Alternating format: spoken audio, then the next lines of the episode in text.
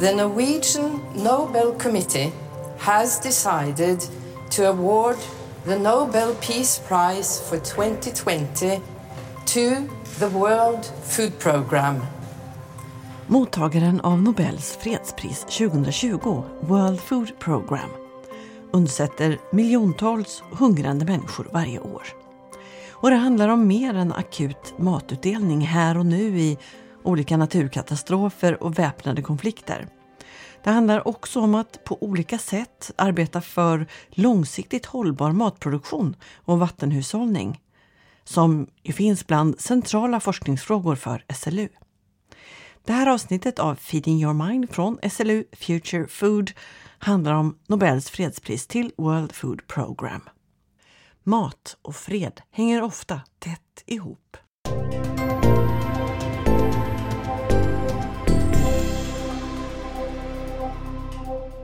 A little tiny, tiny, tiny, tiny corner of that award is mine. Alison Oman är chefsnutritionist vid World Food Programs huvudkvarter i Rom i Italien. Och tidigare har hon arbetat från organisationens kontor i Nairobi i Kenya. It was a, an unbelievable moment.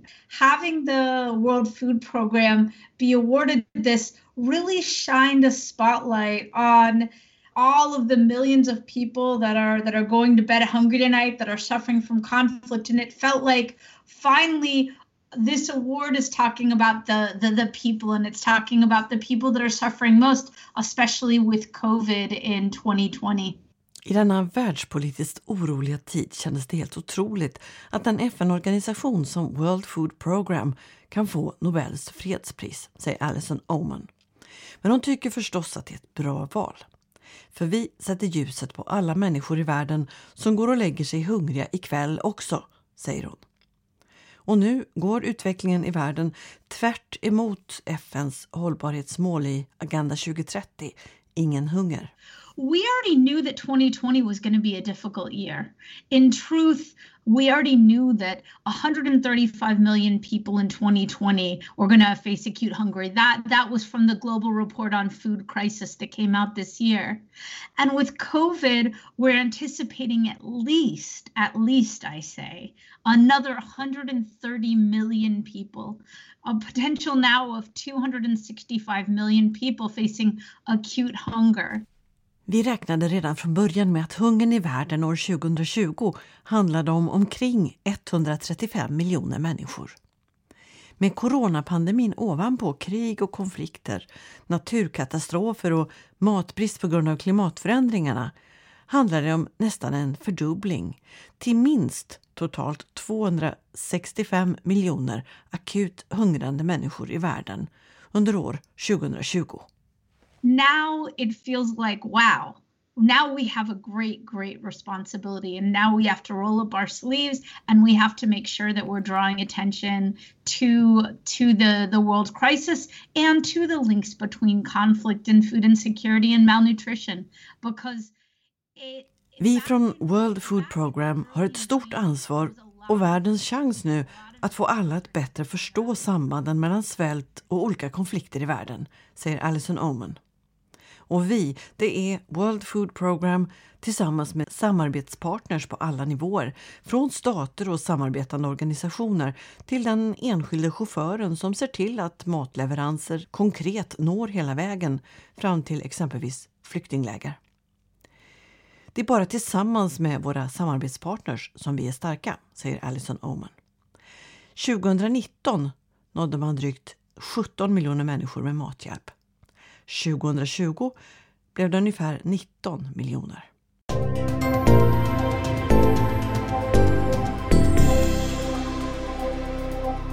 Du lyssnar på en podd från SLU Future Food.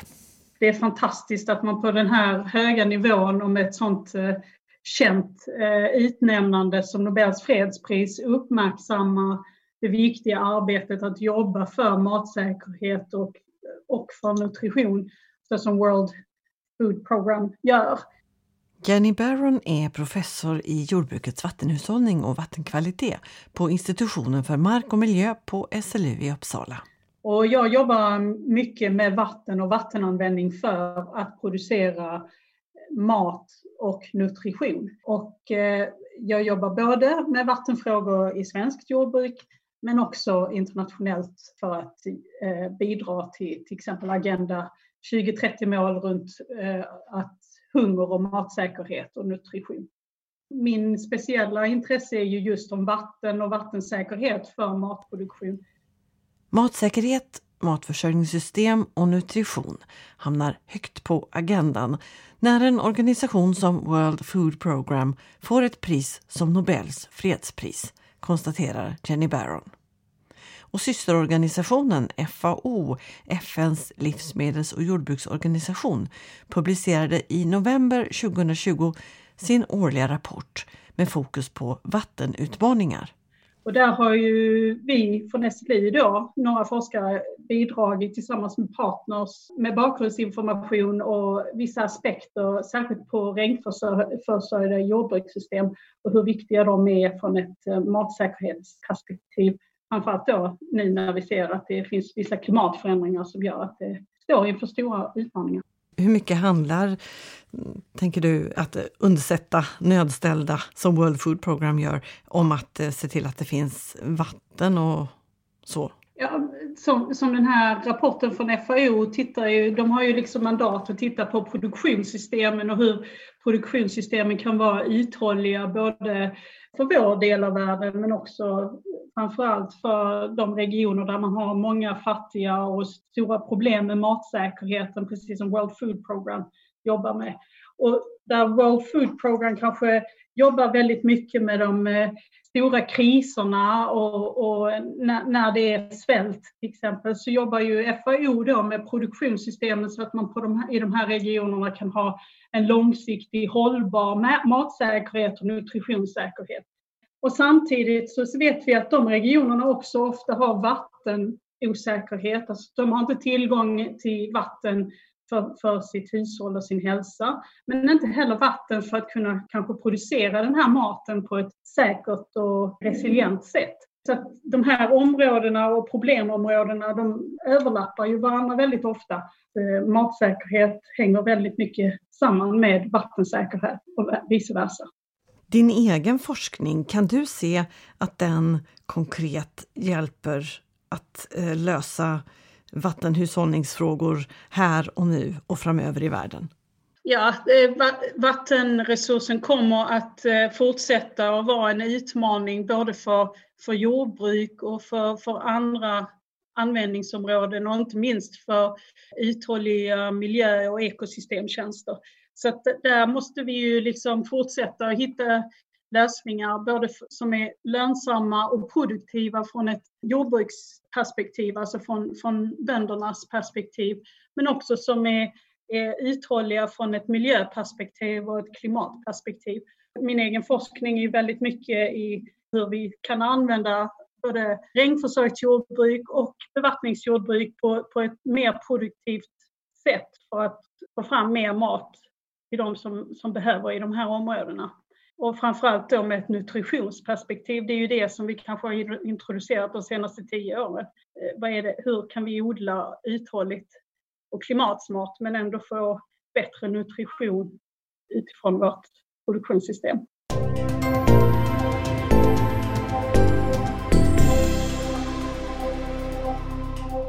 det är fantastiskt att, att man liksom på det här sättet kan uppmärksamma frågan runt matsäkerhet för alla. Ibland glömmer man bort all den nya kunskap och kapacitet och forskning som faktiskt också ligger bakom en del av dessa eh, utnämningar. För att utan nya insikter och utan ny kunskap så skulle man inte kunna lösa dagens eller kanske framtidens problem.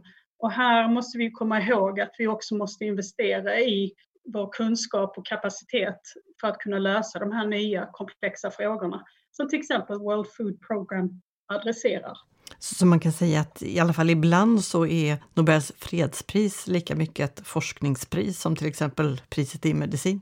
Det handlar inte enbart om distribution och att man skaffar maten och, och allt runt omkring utan det handlar också om att just forskningen bakom hållbar matproduktion världen över. Precis, ja det kommer ju vara helt nödvändigt att fortsätta fokusera på hur vi ska göra det på ett resurssmart sätt. Eh, in vatten, land, andra resurser som behöver till för att få, få fram hälsosam och eh, mat på ett uthålligt sätt. Sa SLU-professorn Jenny Barron. Tillbaka till de konkreta hjälpinsatserna med mat och vatten som World Food Program fick Nobels fredspris för. Vad är det för mat som levereras? Frågar jag chefsnutritionisten Alison Oman. The, it basically always follows the same pattern. There's a staple food, and depending on where that is in the world, that could be rice, it could be wheat, it could be maize. I ett katastrofläge där inga lokala matmarknader eller lokal matproduktion finns fungerar det i princip alltid på samma sätt, säger Alison Oman. Det handlar om att dela ut stapelvaror som går att transportera på enkelt sätt och beroende på var i världen katastrofen pågår kan det vara vete, ris eller majs som delas ut. Också baljväxter, ärtor, linser och bönor delas ut.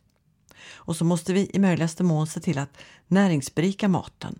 För det handlar inte bara om tillräckligt många kalorier och om att fylla magar, säger nutritionisten Alison Oman. I 25 kilo säckar delas Super Cereal, eller Super Cereal Plus, ut. Blandningar med näringsberikat vete eller majs och proteinrika sojabönor. in some parts of the world we use a corn soya blend and in other parts we use a wheat soya blend where maize just simply isn't part of the the standard diet so soy has been there um, for us from the beginning to create this this csb that's added into the ration hmm. so soybeans they're an important part of what you distribute Absolutely. actually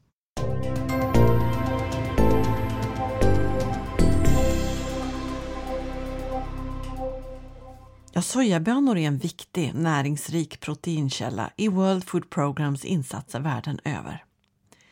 2021 publiceras en bok som handlar om just sojabönan skriven av Lisa Deutsch och Matilda Baraibar, forskare vid Ekonomisk-historiska institutionen vid Stockholms universitet. Matilda Baraibar menar att det faktum att World Food Program blev Nobelpristagare 2020 påminner om någonting viktigt. Att eh, mat inte är ehm, en vara som vilken annan. Och att eh, merparten stater i världen har ändå kommit överens om, det ingår i mänskliga rättigheter, rätten till mat. Och det tycker jag borde vara mer förpliktigande. World Food Program visar ju att det på något sätt är det. Att vi kan inte ha ett system där eh, bara de med höga inkomster kan eh, få tillgång till bra mat. Utan vi har faktiskt sagt som, som mänsklighet att det här är en rättighet. Samtidigt så fungerar ju jordbruksmarknaderna rätt mycket som vilken marknad som helst. Matilda Baraibar forskar kring jordbruks och matglobalisering och sojabönor spelar onekligen en huvudroll där. Det finns en motsägelsefull bild av denna böna som blivit symbol för skövlingar av Amazonas, genmanipulerade grödor som driver resistens, ohållbara storskaliga monokulturer som föder en ohållbar köttindustri. Och ett helt teknologiskt paket med infrastruktur, patent och enorm makt för stora företag i monopolställning i Latinamerika. Det är sojabönan å ena sidan. Historiskt har ju sojan spelat helt andra roller och framförallt i det asiatiska köket har den ju framförallt varit viktig väldigt länge, i flera tusen år och då inte som fodergröda utan direkt för humankonsumtion i massor med olika former och varit en liksom väldigt central del i det asiatiska köket, också som smaksättare och, och framförallt som eh, proteinkälla nutritionister, industrialister, alla möjliga vid olika historiska skeenden upptäckt eh, sojans olika egenskaper som ju är väldigt många goda. Både det du var inne på, att den är väldigt proteinrik, men också som klarar sig bättre än de många andra grödor i samband med missväxt och sådär. Att den är mer robust och klarar både torka och översvämningar bättre. Så när allt annat liksom misslyckats, då finns sojan kvar. En tålig och robust eh, böna från början och så genmodifiering på det och segertåget över världen var ett faktum. Ja, det kan man säga. Det är en intressant, liksom fascinerande teknikhistoria tycker jag. Sojan är ju rätt mycket en kulturprodukt känner man till sist. Och sen sojasåsen, när man väl kommer på hur man kan göra sojasås, då blir det ju någon typ av gastronomisk revolution. Och då går den sojabönan från att ha varit den här ganska äckliga överlevnadsgrödan till att uppskattas också för dess liksom gastronomiska kvaliteter om man tittar i. Så det har väl varit ständig förstås eh, mänsklig inverkan som med många jordbruksprodukter och så.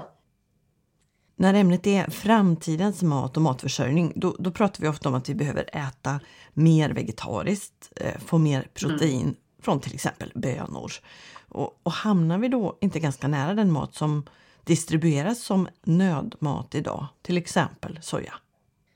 Jo, jag tror nog att sojan alltjämt kommer spela en viktig roll i vårt livsmedelssystem, även om vi skulle äta mindre kött, vilket jag ju tror att vi kommer göra. Det är ju inget fel med soja i sig. Tvärtom så har ju den historiskt ofta använts för att förbättra jordar och sådär eftersom den är kvävefixerande. Och om soja produceras i rotation med andra grödor så kan det ofta i sådana här växtföljder eh, förbättra en rad egenskaper. Liksom.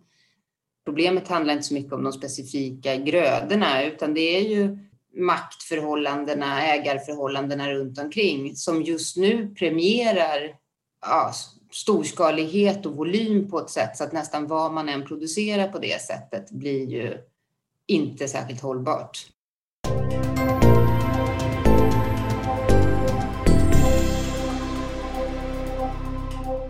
Sa Matilda Baraibar, forskare vid Stockholms universitet. Sojabönorna som distribueras via World Food Program då, som viktig proteinkälla.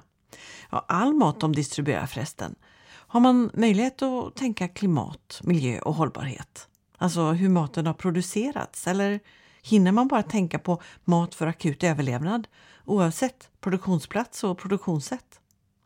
World Food Programs chefsnutritionist Alison Oman igen. It used to be that the image of kind of back in the old days food aid was that we were just bringing in surplus foods from large producers in the world, often from the developed nations, putting it on ships, sending it halfway around the world in order to bring in much needed food to populations. Bilden från förr är att överskott från matproduktion i den rika delen av världen lastas på stora fartyg och fraktas runt halva världen. Since then, really looking at a lot of different factors, looking at for sure the environmental footprint and the idea of what is it costing not just the individual but the planet to bring food from so far. Men numera är mycket annorlunda, säger Alison Oman. Det handlar om att vi räknar in både miljö och klimatpåverkan. Och inte minst att vi tar vara på den viktiga möjligheten att så långt som möjligt stödja den långsiktigt hållbara vägen framåt. Att eh, stötta lokala ekonomier och handla från matproducenter så geografiskt nära en matkris som möjligt. in 2019 in fact i just got told the statistic the other day and i thought it was amazing but 81% of all of the food that WFP bought was bought in developing countries. And 36% of that was from, from African countries. 81% av all mat som FNs World Food Program köpte in 2019 kom från producenter i den fattiga delen av världen, relativt nära krisen. Och drygt en tredjedel köptes i Afrika, säger Alison Oman. Fördelarna är förstås många. Till exempel att maten som distribueras med stor sannolikhet är sån mat som de drabbade människorna är ganska vana vid att äta. Och en annan stor skillnad i arbetet sen förr är att nu ungefär en tredjedel av hjälpen kommer i form av kontanter, pengar, så att folk själva kan köpa den mat de väljer, där mat fortfarande finns att köpa. 2009, 10 million dollars out of our footprint was being given through cash. Now in 2019 that was 2.1 billion. 2009 betalade World Food Program ut 10 miljoner dollar i kontanter. 2019 var den siffran 2,1 miljarder dollar. Att själv kunna köpa och välja sin mat när så faktiskt fortfarande är möjligt är viktigt för människors värdighet. För känslan av att själv kunna styra sitt liv, säger Alison Oman.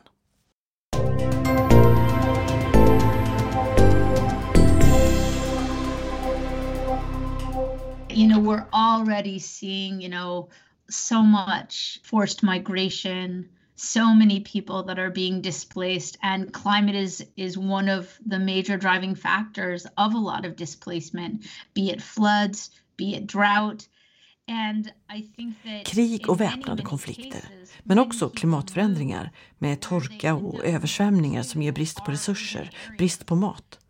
Det gör att människor flyr, lämnar sina hem på landsbygden och hamnar i städer. Hur ska de få mat där?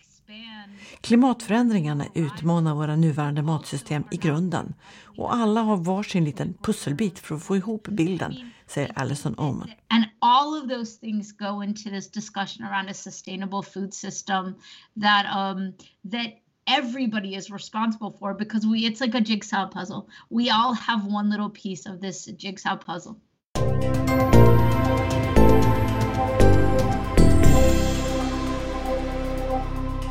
Jag heter Sara Gräslund och jag är chef för SLU Global.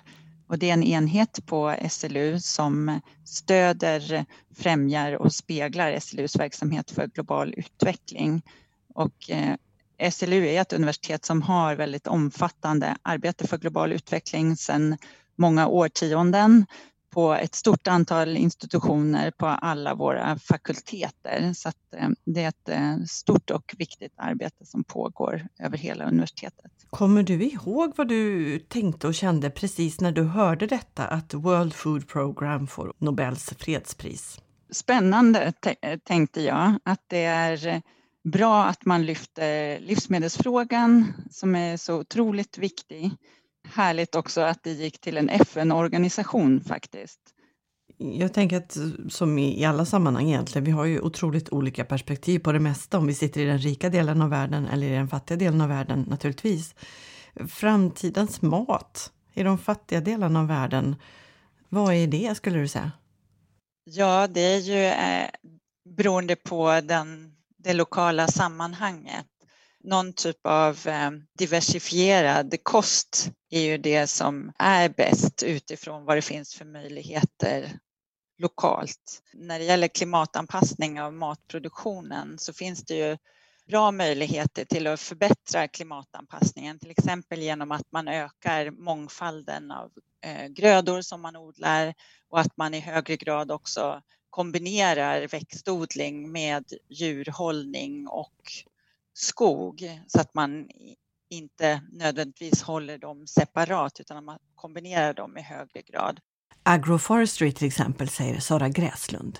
En odlingsansats där man kombinerar djurhållning och odling med att plantera träd.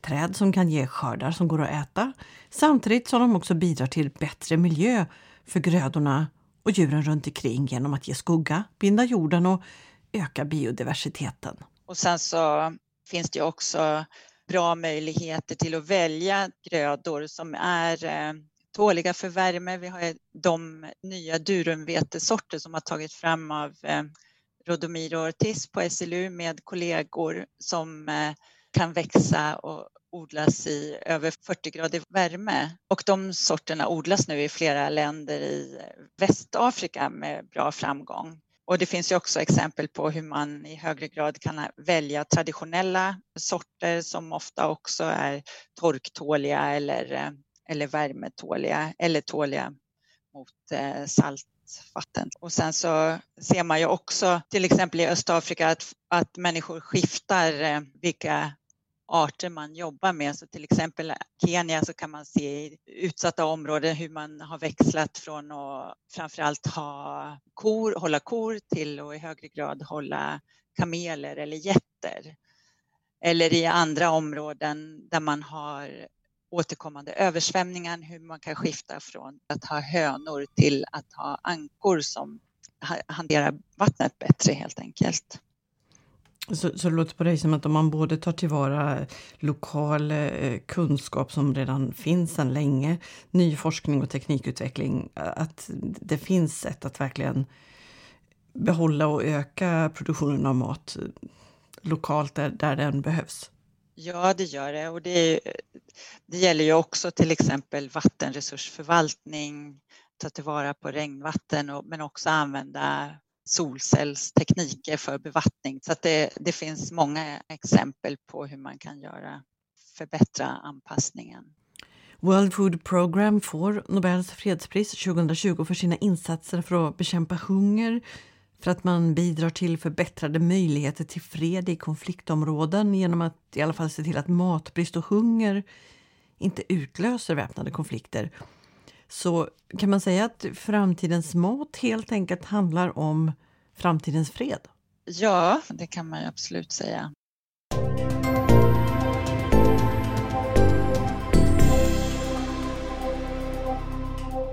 Men eh, just nu går alltså en hel del åt fel håll. Med mycket politisk oro i världen, klimat och miljöförändringar som spär på flyktingkriser och vice versa. Men forskning kan bidra till att med kunskap och teknik jobba stenhårt på att minska utsläppen av växthusgaser samtidigt som matproduktionen anpassas för att klara ändrade klimatförändringar, säger SLU Globals Sara Gräslund. Vid en snabb blick kan den mat som distribueras vid matkriser verka vara framtidens mat för oss alla. För det handlar ju företrädesvis då om så närproducerad mat som möjligt och mycket om vegetabilier. Men eh, påminner World Food Programs chefsnutritionist Alison Oman, det handlar inte bara om att mätta magar. Det handlar om att ge näringsriktig mat också. Och där återstår stora utmaningar om framtidens mat ska bli mer jämlik än idag där klyftorna mellan rik och fattig ännu är enorma. I mean right now on our planet more than 3 billion people in the world can't afford a healthy diet. Idag har 3 miljarder av jordens befolkning inte råd med hälsosam mat. If I walk into a market and I want to get a beautiful meal, a healthy diet costs 60% more than a diet that just meets the basic nutrient needs. Vill jag handla mat till en härlig näringsrik måltid så kostar det i snitt 60% mer än den billigaste maten som precis täcker näringsbehoven. Och i många länder ligger hälsosam mat på en prisnivå långt över vad de flesta har råd med. I länder med väpnade konflikter där samhället och matproduktionen inte fungerar som de ska blir det fantasipriser på mat, säger Alison Oman och berättar om en studie som för några år sedan översatte vad mat kostar i Sydsudan jämfört med i New York. That would mean that if a New Yorker had to pay the same proportion of their salary, just that meal of rice and beans would cost $393. So people around the world can't afford to eat well. Översatt från sydsudanska förhållanden skulle då en enkel tallrik med ris och bönor i New York kosta 393 dollar. Vad vi äter och om vi äter handlar både om ifall det finns mat och vad den kostar. Vi ska fortsätta göra vad vi kan för att nå hållbarhetsmålet Ingen hunger och jobba för en värld där mat inte bara är en mänsklig rättighet på pappret utan på vars och ens tallrik, säger Alison Oman. Och vi har blivit smartare med åren, både vad gäller varifrån maten vi delar ut kommer och genom att vi i möjligaste mån låter människor köpa den mat de själva väljer på lokala marknader. Men tyvärr, säger Alison Oman, ser jag nog att behovet av hjälporganisationer som World Food Program kommer att bestå. Until you tell me that there's a future where there's no more conflict on earth, I don't think that we are um, that that are there's going to be any lessening of a need for humanitarian assistance.